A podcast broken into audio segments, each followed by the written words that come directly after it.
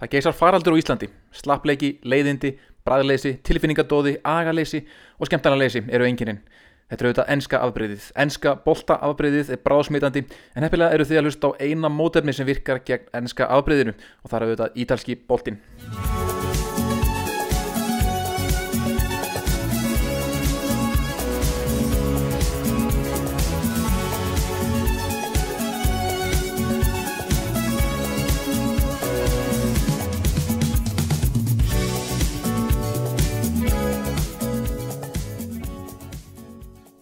Benvenuti og verið hjartalega velkomin í þennan 15. þátt ítalska boltans.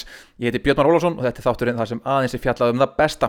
Sterkasta deild í heimi, sanga til um virtu EFFHH samtökum íþróttarsakfræðinga, deildin þar sem enn ríkir topparáta, deildin þar sem enn má sína tilfinningar, bæði þegar leikir vinnast og tapast, svo lengi sem maður blótar ekki guði. Guðlast eru þetta stránglega bannað í ítalska boltanum.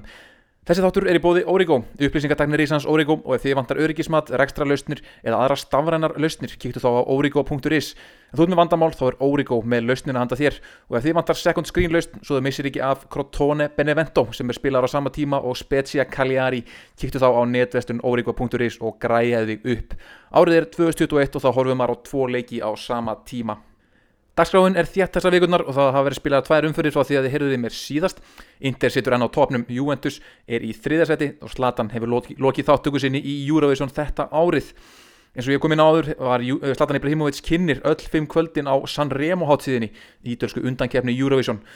Það hlutarkleist hann með glæsi brak og fór svo að lókum að ítalska rockljómsveitin með skandinaviska nafnið Måneskin var hlutskörpust og myndi Ítalið því senda alvöru rocklag í keppnina í ár.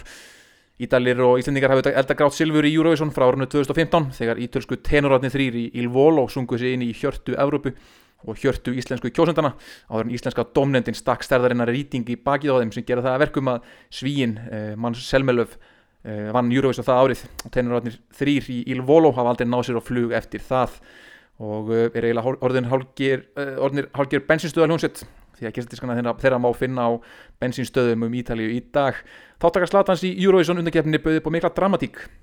Fórsvarsmenn Asi Milan voru auðvitað mjög óanæði með að Slatan hafi tekið þátt yfir höfuð e, sem kynir þótt hann hafa endanum verið meittur og hvort þið er ekkert getað spilað það muniði litlu að Slatan hafi mist af úsýttakvöldinu á háttíðinni hann var á leið á keppniskvöldið á lögadeginum og var að hraðbreytunni frá Milano til Sanremo þegar stort umferðarslýs varð fyrir framannan og hann satt fastur í umferðarteppu þá stegi hann út úr bifriðinni, stöðvaði mann á móturhjóli sem reyndist vera Asi Milan stuðnismæður og fekk far með honum á keppnina.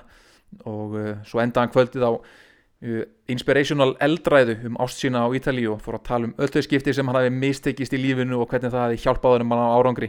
Það var eins og Michael Jordan væri mættur upp á svið og alveg hjartnæmt og flott. En Zlatan tók líka þátt í einu söngadriðu á átíðinni eins og hafi verið gefið út fyrir kærmina uh, en það eru vonbreiði vikunar hann og Sinisa Mihailovic ætlaði að sungja saman duett lagið Il Vagabondo. Og hér getið þið hirt smá tóndæmi frá þeirra performance og hlustu vel því að það er ekki hann sem syngur í mikrofónin heldur er hann, Zlatan óhljóðun hann í bakgrunni.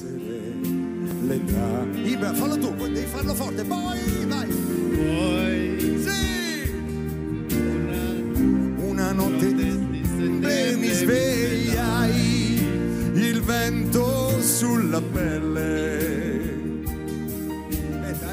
Sul mio corpo il chiarore delle stelle. Ah ma canta però, vai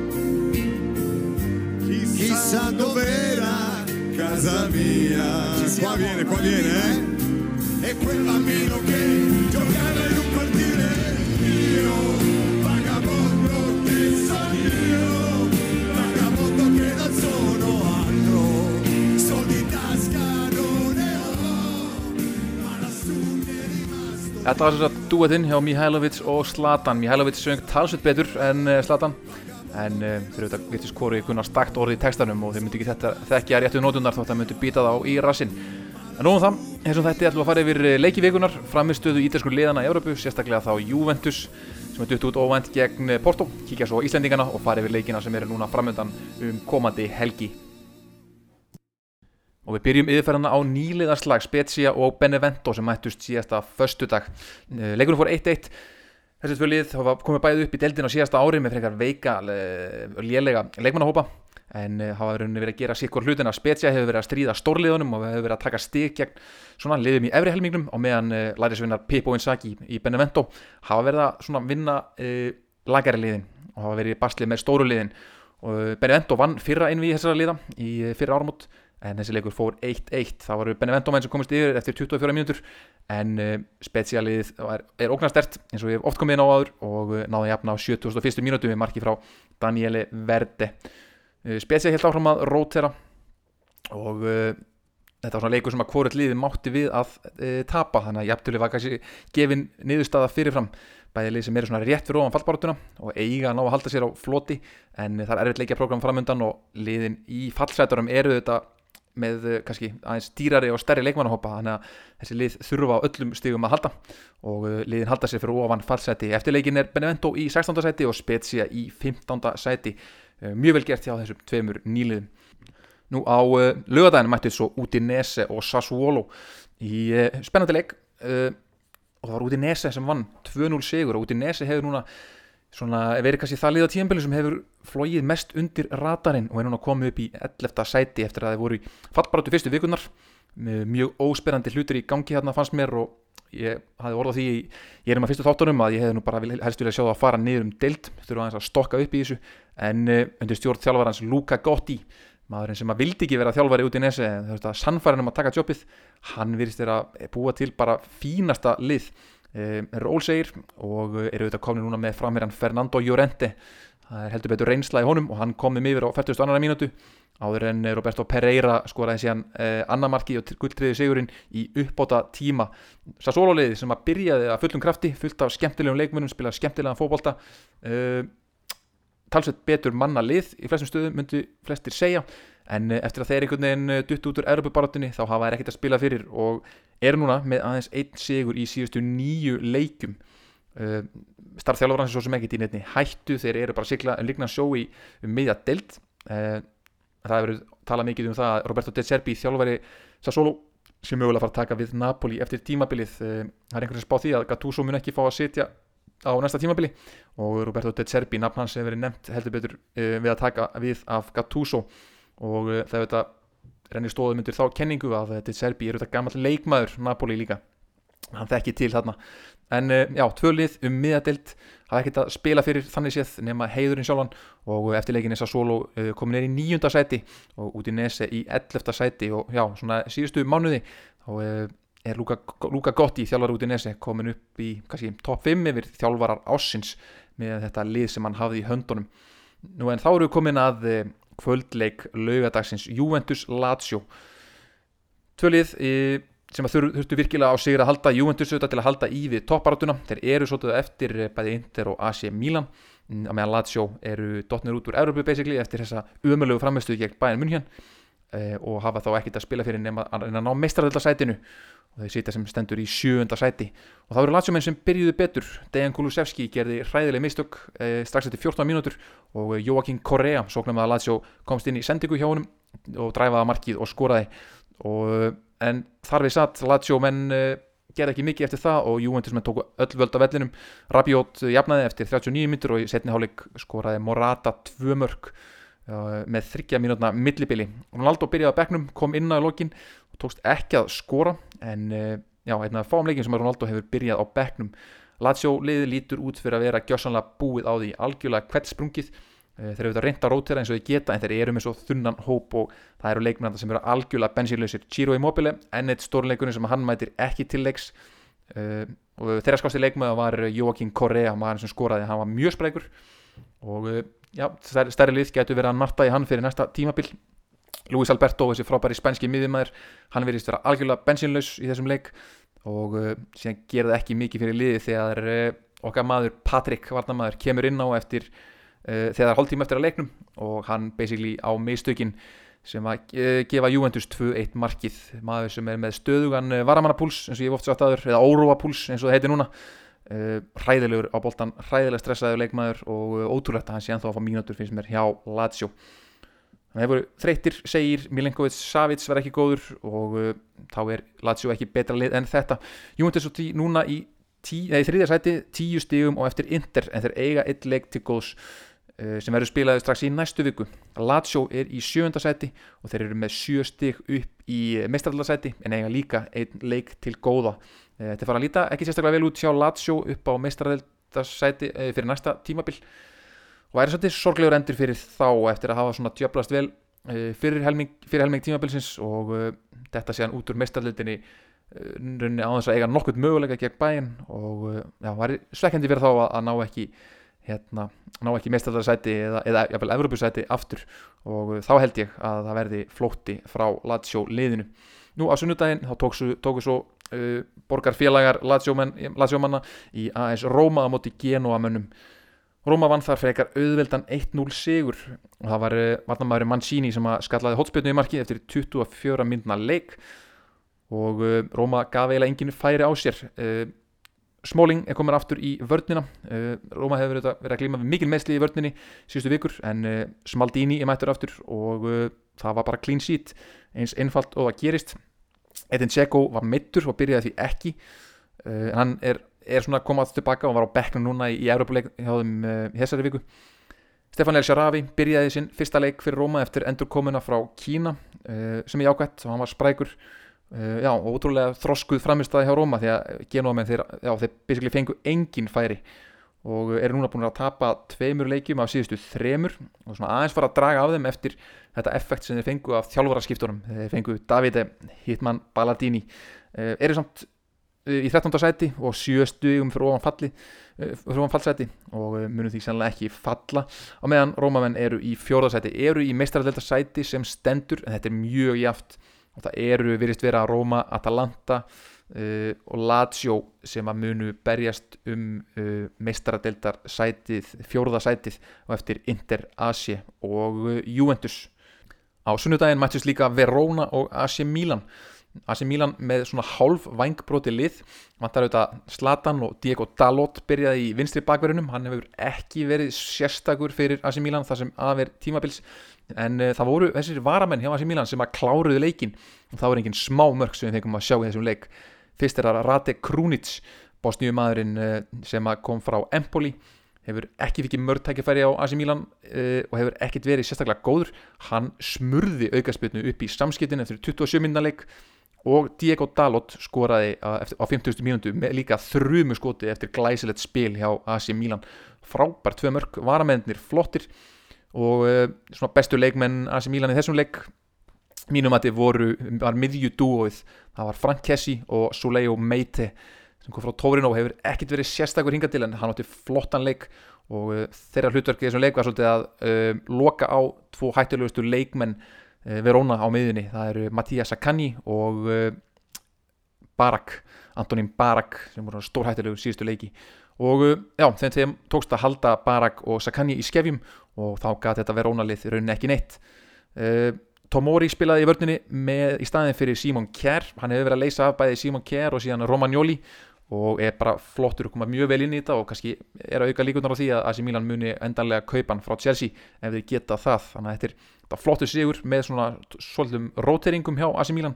Flott séðum að fá Rati Krúnits inn í liðið og gefa honum sjálfströsti það er flottur leikmaður en, og með sjálfströstu þetta þá geta svona leikmenn reynst þeim mjög dýrmættir í Evrópu baráttunni uh, sem er framöndan nú, svo mættist Fiorentina og Parma. Þetta er lörgast á leiku sem hefur verið skemmtilegastur árið 1998 eitthvað svo leiðis þetta var enda stór skemmtilegu leikur endaði 3-3 Lukas Karta, marðamæður Fiorentina kom þeim yfir á 2008. minútu Parma jafnar um leið og það var auðvitað Kutska Milankovic kemur síðan Fiorentina aftur yfir og þá svo er það Kurtic sem að jafnar á 7000 annari mínútu. Og svo í uppbót á tíma þá fyrst fóru hlutir að gerast. Því að fyrst skorar uh, Mihaila fyrir Parma á 9000 mínútu. Og Parma mennu þetta búin að vera án segus uh, ég veit ekki hversu lengi. Virðast verið að taka öll þrjú stíin þar. Þar til Jakoboni skora sjálfsmark á 94. mínútu og þetta verist loða svolítið við Parma. Þeir komast yfir í leikjum en þeir ná ekki að sigla sigurum heim. Roberto Davessa þjálfari Parma fekk síðan raukt spjald þarna í uppbúta tíma líka. Það sögðu þetta allt upp úr. Og uh, verður það vantalega ekki á uh, hlýðalínunni til að stýra liðinu í næsta leik. Uh, í síðustu fimm leikjum hefur Parma verið, verið yfir á einhverju tímapunkti en hefur ekki tekist að sigla sigurinnum heim. Og þetta er fara að líta enn verð út og er unni stýttist í það að maður geti farið að segja þeir séu fallnir því miður. En þeir eru auðvitað með, með bandariska eigendur hafa verið að fjárfesta þannig að þeir munu vonandi allavega eða fara niður koma strax upp aftur. En uh, já, það hefur ólánuð hefur heldur betur leikið á grátt núna á þessu tímabili. Nú, annar stór skemmtilegu leikur var Crotone Torino sem að fór 4-2 fyrir Crotone mjög aðtilisverð úrslitt Torinomenn þurftu að fresta leik, tveimur leikjum uh, tveimur, síðustu, á síðustu tveimur vikum út af COVID-smiti í liðinu. Og Torino liði vantaði Bellotti Bremer sem að skoraði í síðasta leik en Kolo, Karolinetti og Singo, þetta er allt byrjunleismenn þetta er allt góði leikmenn sem að vantaði.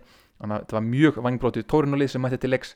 Og það sást ég að þeir töpuðu fjögur tvö fyrir nýliðum Krotóni sem að hafa ekkert getað á þessu tímabili það var nýgarjumæðurinn Simi sem kom Krotóni yfir. Mandragora jafnaði fyrir Tórun áður en Simi kom, kom þeim aftur yfir. Og síðan í 3-1 með marki frá Reka serbanum Reka sem að spilaði áður hjá uh, Milos í rauði stjórnunni og uh, Tórun minkaði sér munin 84 mínútu en í uppbóta tíma skoraði Adam Únas uh, fjórða mark Tóni 4-2 stórsigur Tóni mjög flottu sigur hjá þeim sem eru þó enn sem fyrr á botni deildarinnar og það er eiginlega ekkert að kalla þetta neina líflínu þótt að það sé nú ekkert vola langt upp í næsta lið Nú, tórunumenn brúðust frekar illa við þessum sigri og sérstaklega fósittin Urban og Cairo. Ég kom inn á það áður að Urban og Cairo, fósittin Tórunu er eh, bókaútgifandi og stór hlutafi í bæði Corriere dello Sport og eh, fyrirtækinu sem ágat setta dello Sport og að fósiðunum eftir daginn eftir þennan leik á báðum þessum blöðum þar var ídalega farið yfir ímis dómaramistök sem hafa, eh, sem hafa tórunumenn hafa lendi á tímabilinu.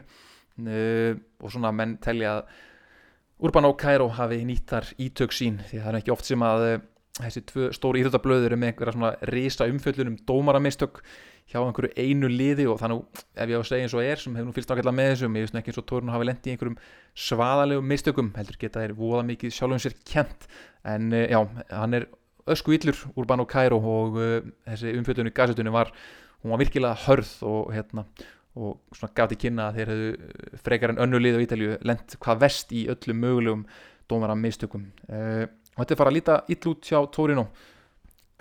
Þeir eru í þriðja næsta sæti, átjönda sæti uh, tveimur stegum frá örugu sæti og ég er þetta leik til góða en eins og spilamennskan hefur verið Ólánið hefur leikið við á, þetta lítur ekki vel út hjá uh, Tórinu, en hann fyrir næsta leik Sampdoria 2, Cagliari 2 en eitt fjöri í leikurinn marka leikurinn, þá var ekki smá mörg sem við fengum að sjá í þessum leik.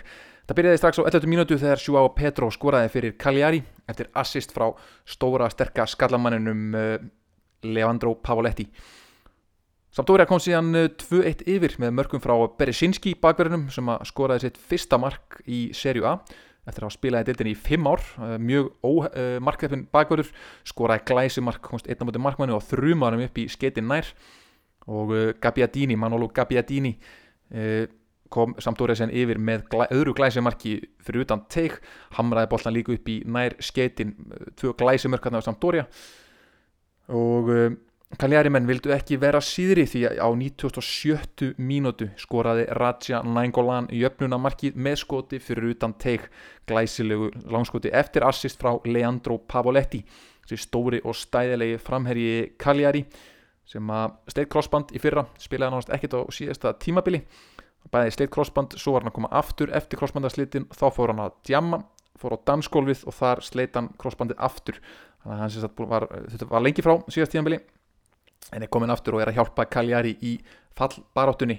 Uh, Cagliari er komin með nýjan þjálfara hann er búin að þjálfa það núna í tvo leiki. Uh, Leandro Semplici sem að þjálfaði áður Spal kom þeim upp í efstu deild og held þeim þar uppi. Frábær þjálfari, mjög skemmtilegur búin að taka svolítið til hann hjá uh, Cagliari. Það komið góður andi í liðið maður sá það hvernig þeir fögnuði eftir leik allir saman. Heldu utan um hvern annan og mikið gleði og jákvæðni og Kaljari eru komni núna úr fallseti, eru með 22 stík, eigendar fjögur stík upp í síðan næsta lið. Það verður algjört uh, rattreis uh, í, í botbaratunni á Ítalíu á, uh, á næstu vikum. En á uh, sundarskvöldið þar mættust Napoli og Bologna. Andri Fannar okkar maður, hann er uh, að koma aftur út í meðslinn og var á bekknum í þessum leik, hann kom ekkert við sögu. Þetta var þetta flottur leikur hjá Bologna þóttir að hafi tapað 3-1. Insignia kom uh, Napoli yfir strax á 8. mínútu síðan voru það Bologna sem, menn sem áttu öll völd á vellinum voru að spila fanta vel uh, sérstaklega Danin uh, Skóf Olsen, Robert Skóf Olsen maðurinn sem að bakbrotnaði hérna gegn Íslandingum á lögadalsvelli í landsleika á síðast ári. Hann er komin aftur og byrjar að spila og var frábær í þessum leik og fleiri leikmenn hjá uh, Bologna sem áttu flottan leik. En uh, svo voru búin að fara svolítið framalega völlin þá setti Gattuso Viktor Osimhen nýgeriska framherjan inn á og þeir réðu síðan engan veginn við hraðan í honum Bologna menn Bologna með mjög aldraða varnalínu eru með braslíumannin Danilo og, og uh, Lorenzo De Silvestri í bakverðinum og þeir tveir uh, áttu ekki góðan setniháleik og lendi miklu basli með hraðan í Viktor Osimhen og, og Lorenzo Insigne. Osimhen kom uh, Napoli í 2-0 áður en uh, Soriano mingaði munin fyrir Bologna með flottu marki en uh, svo kláraði Insigne dæmið á 77. mínútu eftir mistök frá De Lorenzi uh, bakverði Bologna en þetta var eins og ég vel spilað hjá uh, Bologna mjög lofandi og Andrei komin aftur og þeir eru í smá meðslavandræðum á miðunni þannig að það er vonandi að hann fóði þá að spila og verður hann algjörlega hill og hérna verður komin aftur í lið og fóði kannski að spila í næsta leik eftir hann leikur Napoli í sjötta seti vel leik til góða geta komist upp að hlið Róma í fjórðasætinu og þeir eru í fullri baratu um Europasætið Bologna menn sigla lignan sjó og eru í tólta sæti með 28 stig 8 stigum frá falli frekar öryggir þar. Og eins og spilamennskan var í eins og leik allan þá ættu þau ekki að þurfa að hafa miklar áhyggjur. Svo komað stórleik umfærarinnar sem var á mánudaginn. Inter 1, Atalanta 0 það var leikur sem var mjög taktísk, taktískur og leikur þar sem miðverðinir, varnamennir þeir voru í aðalhutverki varnamenn beggja liða voru bestu leikmenn liðana Milan Skriniar skoraði einamark leiksins á 54. mínútu. Interliðið lásótið tilbaka spiluðu varnarsinnað og uh, voru aðal að nota uh, Lukaku sem uppspilspunkt og letu síðan Lautaro og, og Barella hlaupa í kringum hann. Og varnarmæður Atalanta sem var settur á Lukaku var Berat Jim City, albanin sem átti frábæran leik og mér fannst eða hann halda Lukaku freka vel í skefjum. Þegar náðu að díla við hann mjög vel. Hann auðvitað fekk einhver, svona, einhver færi en, en þeir, mér finnst þeir díla mjög vel við hann. Og þetta var einhvern veginn bara glíma þeirra á milli, eh, Lukaku og Jim City stóra hluta leiksins. Intermenn voru sterkir í fyrirháleik og komið sér niður á 54 mínútu og þá þorðu þeir að droppa bara tilbaka lefðu Atalanta mörnum að halda boltanum og spila sín fótbolta út á vellinum en múruðu fyrir Vítatein. Og uh, þetta tríó hann aftast hjá Inter Bastoni, Devray og Skriniar þeir voru ótrúlega sterkir í þessum leik og Skriniar auðvitað maður leiksins með, með sigur markið líka. Uh, já, þetta var hann leikur miðvarðana framherjar uh, Atalanta það er auðvitað engin smá smíði þar. Zapata og Luis Muriel erfiði viðregnar en miðarir Inter réðu vel við þá Atalanta, þetta eru smá vonbreiði núna. Eru í fymta seti stíu eftir Róma Uh, ég bjóst við svolítið meira í svo leik þar ekki ótt sem Atalanta fer að velli á þess að skora mark. En uh, Inter þeir halda áfram ógulega sterkir og eru 6 stigum á undan AC Milan sem eru í öðru seti og það verist fátt geta stoppað þetta Inter lið eins og ég segi voru að spila mjög vel sérstaklega í fyrirháleik og gaman að sjá hvernig hann notar miðjumenna og hann með byrjað inn á með Arturo Vidal, Brozovic og Barella þar sem að Barella var svona það sem er að tengja mest við sóknarmennina. Áður uh, til, í byrjun tíðanbils þá var hann svolítið að reyna að nota Arturo Vidal framar á miðina en uh, núna er hann að nota Barella því að hann er með svo rosalega hlaupagetu rosalega lungu, getur hlaupið endalust og mikil vinsla í honum. Og Kristjan Eriksson kom inn á líka daninn og hann fór þá líka bara í hlutverk á rauninni miðri miðunni, eða svolítið aftalega á miðunni hann var ekki í þessu sóknar hlutverki Barella er einhvern veginn já, nánast eins og hann sé að spila svolítið svona út í hæra megin uh, sem svona, já, sóknarsinnaður miðjumæður þar. Mjög flottur leikur hjá honum. En já, Inter er á topnum eftir þessa umferð og AC Milan í öðru seti og Juventus mögulega out of reach í þriðja seti við skulum þá fara í mestradeldina og skoða Juventus þar. Þannig að Juventus datt núna í vikunni út úr mestradeldinni eftir 3-2 sigur í framleggingu á Porto en auðvitað duttu út á útivallamörkum töpu fyrir leiknum 2-1 í Portugal þessi leikur var auðvitað hræðilegur sérstaklega fyrirháleikurinn fyrir Juventus. Uh, Porto komst yfir það sem ekki mátti gerast það gerðist og var það eftir mistök frá Demiral varnamannunum Tyrkneska. Uh, svona sjálfseg mistöki honum í deldinni en uh, meistardeldinni þá koma þessi mistök. Við munum hvernig fyrirleikunum fór.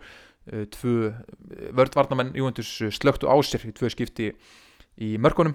Og þetta gerist aftur þarna í, í fyrirháleik Setniháleik var Júndislið talsveit betra og uh, það var Federico Chiesa sem var stóra stjarnan, ekki Ronaldo, heldur Chiesa. Chiesa kom þetta til liðsins uh, fyrir tímanbilið frá Fiorentina, þar sem hann var ungur og efnilegur og ekki allir sem ég held að hann myndi taka stökkið upp í Juventus.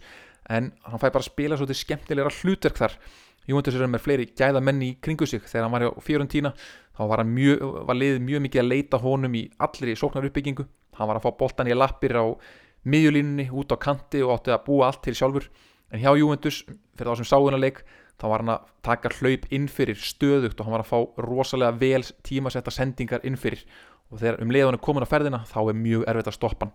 Uh, hann er mjög góður einn á einn líka en uh, hann er svona ekki leikmæri sem að býr til eitthvað úr kyrstöðu eins og, eins og var svona lagt upp með þetta hjá Fiorentina sem að átti einhvern veginn að bera all liðið á herðum sér og gaman að sjá hann slá í gegn hann hjá Juventus og þetta er greinilega leikmæði sem að þeir uh, ættu allavega að reyna að byggja liðið svona aðeins í, aðeins í kringum á komandi árum.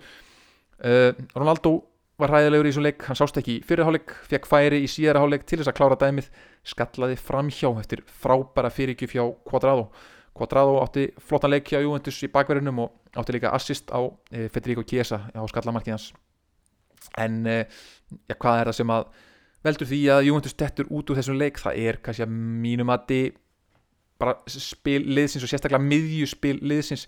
Þetta miðjan er ekki nógu góð. Þegar Juventus var að ná sínum besta árangri þá voru þeir með Pirlo, Pogba og Arturo Vidal á miðjunni. Og síðan aðra svona skotleikminni kringu það. Og meðan núna er þeir með Artur Rabiot og uh, Aron Ramsey. Weston McKennie, þetta eru þetta ekki leikminn sem hafa unnið sérlega mikið. Artur hefur já, spilað tvö tímabil með Barcelona þar sem hann spilaði kringum 20-25 leiki. Rabiot þetta spilaði með PSG Ramsey ekki unnið þetta í meistaradildin eða unnið mikið í Evrópu. Þannig að þetta er ekki sömu sigurverðarnir uh, og ekki sömu gæðin og voru í þessu gamla góða Juventusliði með Pirlo, Pogba og Vidal og segja, það vanti, sárvanti í gæði þar. Weston McKennie er líka fítn skotleikmaður en þetta er ekki leikmaður sem er að fara að koma þær í úslit meistardeldarinnar þeir lögðu þetta allt uh, á eitt leikmann Ronaldo þegar þeir tóku hann fyrir tveimur árið síðan. Það auðvitað, voru ekki allir í Juventus sammála um að taka uh, Ronaldo fyrir tveimur árið síðan. Uh, Beppe Marotta sem var þá í, í hérna, yfirmar írættamála hann vildi ekki fá Ronaldo og hann var líka sjálfur látin fara, fótt til Inter þar sem hann er núna búin að byggja upp lið sem er að vinna deildina. En uh, Fabio Paratici sem er núna yfir maður íðdamála hann var Ronaldo maður. Hann uh, var einn af þeim sem vildu fá Ronaldo til liðsins og það verist verið að koma í bakið á honum. Uh, þannig að Paratici og stjórn Juventus á að hafa fundavist með Ronaldo eða er að fara að funda með Ronaldo núna í vikunni það er kannski spurning hvort það skýrist framtíðans þá. Vandamáli er að hann er með eitt ára eftir að samning eftir þetta tímabil en e, það er bara erfitt að finna lið sem geta borgað á um sömu laun þannig að það er kannski erfitt að sjá hvernig er alltaf komunum frá liðinu. E, og þá kannski bendir það eitthvað til þess að hann muni þá klára samningin hjá Juventus. Ég veit alltaf ekki hvaða lið þetta eiga peningin til að geta losað Ronaldo frá Juventus. Gazetan, hún var ekki sérstaklega góð eða satt fór ekki fögurum orðum um framistuðu Ronaldo í leiknum með fyrirsögnuna óasættanlegt uh, hann honum er kent um hann hefur þetta stökk hérna frá í varnamannavegnum fyrir varnavegnum þegar hérna í aukarspillinu sem að Porto skorur úr í, í framleggingunni já, fekk uh, 4,5 í engun sem er nú bara með því larra sem að það sér uh, nema leikminn hafi bara nána skora sjálfsmark þannig að þetta var mjög, hefur mjög grimmir gagvert Ronaldo og Það er líka ótt að lesa í ítalska fjölmila þegar eh, ítalski fjölmila eru fært að snúast eins og Gazetan, þetta stóra blað er fært að snúast svolítið gegn Ronaldo og fært að gaggrina hann harkalega þá er það líka kannski svolítið vísbendingu um það að hérna, einhverjir innanbúar hjá Juventus vilji fá hann í burtu og eru svona kannski aðeins byrjar að e, svona tala niður e, gaggrina hann harkalega við fjölmila sem eitthvað svona nafnlausir heimildamenn til þess að reyna svona aðeins að, að sína Ronaldo og þeir vilji kannski reyna að losna við hann og reyna að ídónum einhvern veginn út. Það er spurning hvort það sé taktíkin hjá Juventus eða vilja losna við hann. Engan veginn ásvöldalegt fyrir Juventus sem detta út núna gegn Porto. Hafði þetta dótt út gegn, á síðust árum gegn eh, Ajax og Lyon. Engan veginn ásvöldalegt og þetta spil liðsins undir stjórn Pirlo þetta, þetta var ekki gott og uh, það þarf að breyta einhverju þarna. En vandamáli er að það er ekki til peningar ekki nema að ná þá að losa Ronaldo það eru leikmið sem að, uh, sem að uh, Anjali hefur talað um að hann vilji byggja upp liði í kringum. Þegar Kulusevski kom inn á að það er ekkert sérstaklega leiki gær en hann var sann sérstaklega nefndur í viðtali af Fabio Paratici í manni íruttamála Paratici, svolítið áhugavert, líkt honum við Kevin De Bruyne. Og um leiðan að segja það þá finnst mér það mega smá sens svona eftir að vera að reyna að finna leikmann til að líka við Dejan Kulusevski í leikstíl. Hann er svona leikmann sem marga langar til að setja út á kantinn og Kevin De Bruyne þetta hefur spilað fjölmarga leiki á kantinum svona uppafið ferilsins þegar hann spilaði í Þískalandi en uh, er auðvitað frábær bara á miðjunni og það er kannski spurning hvort að Júventus menn sér hann að hugsa hann sem einhvern svona sóknar sinna miðjumann þegar framlýða stundir Dybala var líka mittur í þessu leik það hjálpar Júventus liðinu ekki. En uh, þeir þurfa að fara aftur á tekniborðinu og mæta aftur í á næsta ári með eitthvað betra en þeir höfðu á þessu ári. Þeir eru ennþá í baráttunni um titilinn á Ítalju, steltatitilinn en uh, það er mjög fátt sem bendir þess að þeir að Inter misti í sig, þeir eru þetta bara háður því að Inter misti í sig frekar harkalega. Ég held að Juventus með geti klárað flesta leikina sem eftir eru en það er bara erfitt að sjá hvort að þetta Interlið sé að fara sé að fara að misti í sig eitthvað. Uh, það var líka spennand að fylgjast með á næstu vikum. Það sem ég held að muni svona gefa svolítið upp uh, hvernig stemningin er á Juventus. Ef að fósfarsmenn Juventus fara í fjölmela og byrja að gelta svolítið í áttað indir, byrja að setja pressu á konti og byrja svona búa til eitthvað rifrildi og, og skýtkast það, kannski, svona, það er svona þeirra taktík til að reyna að ná þessu indirlið úr jafnbæði þeir þurfa, þeir þurfa einhvern veginn að búa til óanægi og þetta er þetta sem að allt þetta spil snýst um hjá uh, í hérna hjá yfirmörnum íþróttamála á Ítalju þá snýst allt um spil, snýst allt um að búa til óanægu í herbúðum anstæðingsins þannig ég held við fáum að sjá á næstu vikum frekar svona harða uh, harða pillur frá Juventus yfir til Inter og reyna svona auðsa upp einhverjum auður uh, og búa til einhver, einhver ónæg í herbúðum Inter. En það voru önnur ítalsklið í Evrópu í þessari viku. AC Milan mætti með frekar vangbróti lið til Manchester. Gerði 1-1 jafntefli, Simon Kjær uh, jafnaði leikinu upp á þetta tíma það vantaði þetta Theo Hernández það vantaði Celanoglu, þess að það kann Celanoglu miðjumann, það vantaði Slatan eh, Ibrahimovic og fleiri. Þetta var eh, stert, eh, stert úslitt fyrir AC Milan á útivelli en allt opið þetta á heimavelli og San Siro er þetta ekkit sama grifjan og hún var svona án áhörvenda og þessi, þetta einví ennþá gal opið Róma spilaði síðan gegn Shakhtar í Evrópu í núni kvöld líka þegar þetta tekið upp og vann 3-0 sigur á heimavelli. Þetta lið sem tengjast skemmtilegum böndum þjálfari Róma, Pála Fonseca hann auðvitað þjálfaði Shakhtar á sínum tíma. Þjálfaði Shakhtar einmitt þegar Róma sló Shakhtar út árið 2018 þegar Róma síðan sló sér út Barcelona og fór í undanúslit meistardeldennar þá sló, að vann Róma ævintýralega sigur á eh, Shakhtar sem að Bruno Pérez bjarga á línu með einhverjum, einhverjum ótrúlegustu björgun sem að sérst hefur. Skemmtileg bönd þarna á milli Shakhtar mætti með sitt eh, brasilísk-ukrainska lið og en sterkur heimasigur 3-0 hjá Róma og spurning hvað þetta einvið sé þá ekki líka búið. Og vonandi að við fáum að sjá Róma og AC Milan áfram í Evrópu. En við skulum þá fara að skoða aðeins Íslendingana. Uh, það var Íslendingaslagur í serju B uh, um síðustu helgi. Þar mættust Venezia og Brescia. Fengur endar ekki sá neitt Íslending hjá Venezia. Bjarkisteit var á bekknum allan leikin en Birgir, spilaði, Birgir Bjarnarsson spilaði 90 myndur fyrir Brescia sem vann 1-0 sigur, sterkur sigur hjá eh, Brescia sem eru auðvitað í 13. seti og meðan Venezia var fyrir leikin í öðru seti Birgir var flottur í leiknum, hann eh, átti síðan líka björgun eil á línu í uppbóta tíma sem tryggði sigurinn. Holmbert kom líka inn á, Holmbert Aron Friðansson kom inn á og spilaði korter. Eh, var líka bara fítn eh, Brescia menn voru líka manni fleiri sérstaklega korterið og svona flott baráta hjá þeim og ná þessum sigri á meðan Venecia er núna dottin þá nýri fjórðarsæti sem er umspilsæti um að komast upp. Og það er mjög stutt á milli. Það er aðeins 5 eh, eða 4 stig upp í e, fyrsta sæti í deldinni þannig að Venecia er ennþá í bullandi sénsum að komast upp. Og meðan eh, Brescia í, situr í 13. sæti. Og nær volandi að forðast fallbaróttuna núna síðustu vikurnar. Og gott að sjá Birki í, í fantaformi fyrir landsleikina. Það var auðvitað ekki við öðru að búast kíkjum að þess á stelpunar Það hafa verið tvei leikir hjá kvennaliðin uh, Napoli. Uh, Fyrst var það tap 0-1 á útífelli gegn Sassuolo. Sassuolo er í þriðja seti í ítalsku kvennadeldinni Sassuolo var með stertlið Bæði uh, Laura, Kristín Pedersen og Guðni Átnundóttir byrjuðu þann leik. Napoli átt að fá viti eftir 10 sekundar leik. Viti og rautspjald á leikmann Sassuolo.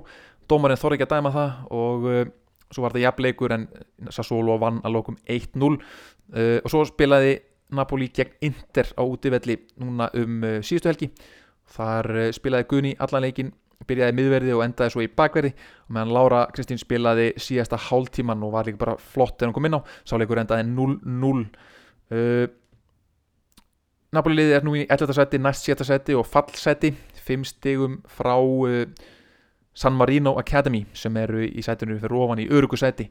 Það er í vandræði með að skora þetta Napoli lið uh, en varnarleikurinn hefur batnað til muna eftir að Guðni kom inn í liði sérstaklega.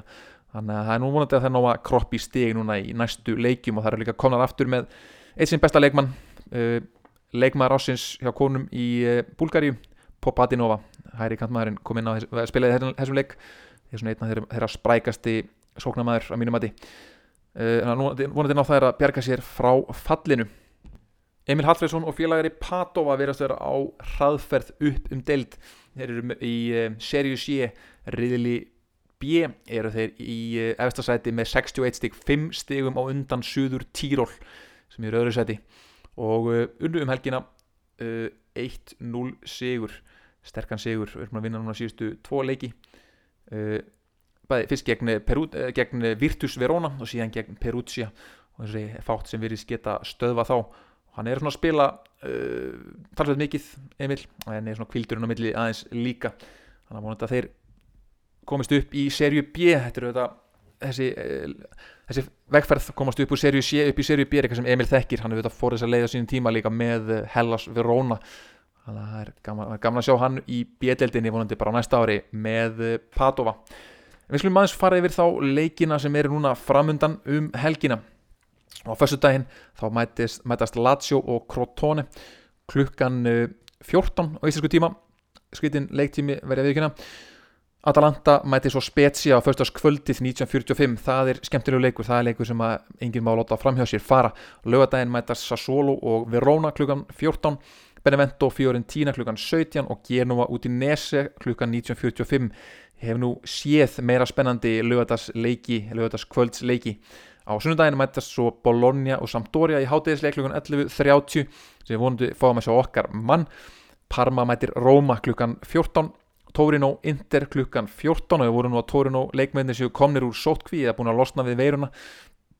Og uh, þeir eru fáið að mæta með fullskipa lið í þannleik Cagliari Juventus High Flying Cagliari með nýja þjálfara og nýtt sjálfströst gegn uh, ja, Juventus lið í mórölskum vandraðum klukkan 17 á sunnudaginn og síðan AC Milan Napoli stórleikur umfæðarinnar á sunnudaginn klukkan 19.45 enginn má missa af þeim leik. En ég ætla að láta þetta gott heita í þessum þætti. Hugsi vel um gott annað og munið að ítalski boltin er eina mótefnið gegn enska bolta afbreyðinu við skulum svo enda þennan þátt á þessu stórkostlega lægi frá ítalsku tenorunum þremur í Il Volo Grande Amore. Það var indislegt að sjá hversu vel kjósendur tóku Il Volo í Eurovision árið 2015 og ég er enn að steikja sárin eftir að ólýðræðislegar domnendir stungu tenoruna þrjá í bakið á dramatískan hátt eins og í óperu af bestu gerð. En eins og tenorunni þekkja manna best þá verður það bestu söngverarnir sem að deyja í lók hverjar óperu og Il Volo verða alltaf sigurverar í mínum huga Heyrjumst aftur í næstu viku, verðið sæl. Dimmi perché quando penso, penso solo a te. Dimmi perché